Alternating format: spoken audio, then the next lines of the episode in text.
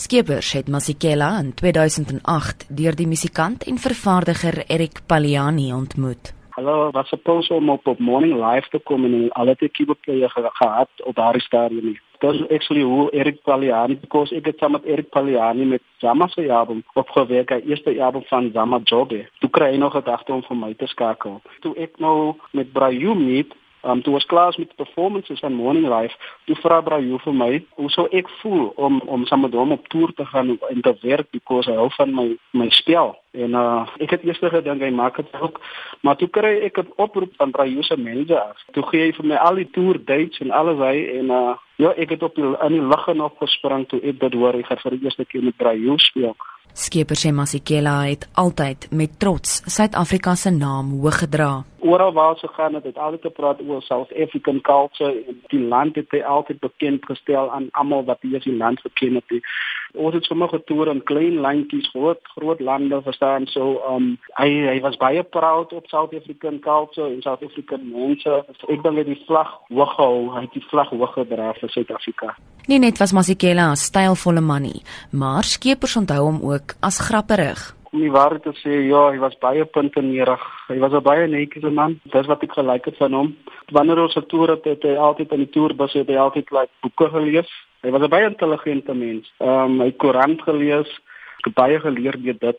As ons op stage gegaan het, daar was 'n sekere hoe ons moet gedres het. Verstaan, hy het 'n regstyl gehad. Hy het 'n regstyl gehad, ja. Hy was baie funny ook. Hy was 'n baie funny mens. Ek sê hy het altyd die, hy was die een wat altyd die jokes gemaak het. Um as ons so uptight was, as hy in die kamer kom, hy het die hele kamer opgehelder met sy met sy jokes wat hy gemaak het.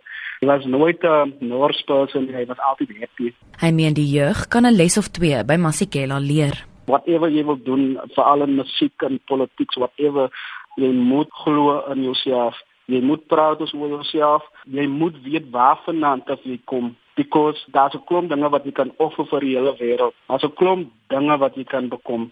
En um, vir die jeug veral vir die vroumense het hy altyd gesê hoekom jy altyd haar sorry om dit te sê hoekom jy haar insit as jy as, as die Here vir jou hare gegee het en jy waarvandaan jy kom? Jy moet altyd praat is op wie jy is. En um, vroue van Suid-Afrika is mooi net so van geaardheid van natuurlik. Skeepers beskryf sy tyd saam met Masekela as 'n voorreg, iets waarvoor hy altyd sal dankbaar wees. As ek kon het oor en oor kon gesê het, wil ek hom net dankie sê vir die geleentheid wat hy my gegee het om saam met hom te toer, om saam met hom in sy lewe te gewees het, dat hy geglo het in my. Dit uh, was 'n groot eer om sy om sy om sy piano player te gewees het, om saam met hom te getoer het, om saam met hom te wees en baie dinge te geleef van hom af. Uh, dit was 'n klomp musikante se droom om met so 'n legend te speel, maar ek het die geleentheid gekry, verstaan? So, um ek wil net dankie vir hom sê. Ek wil net as as ek dit kan oor en oor sê Baie dankie Brayo Masukela. Dit was die pianis Randall Skeepers. Ek is Jean Marie Verhoef vir SAK nuus.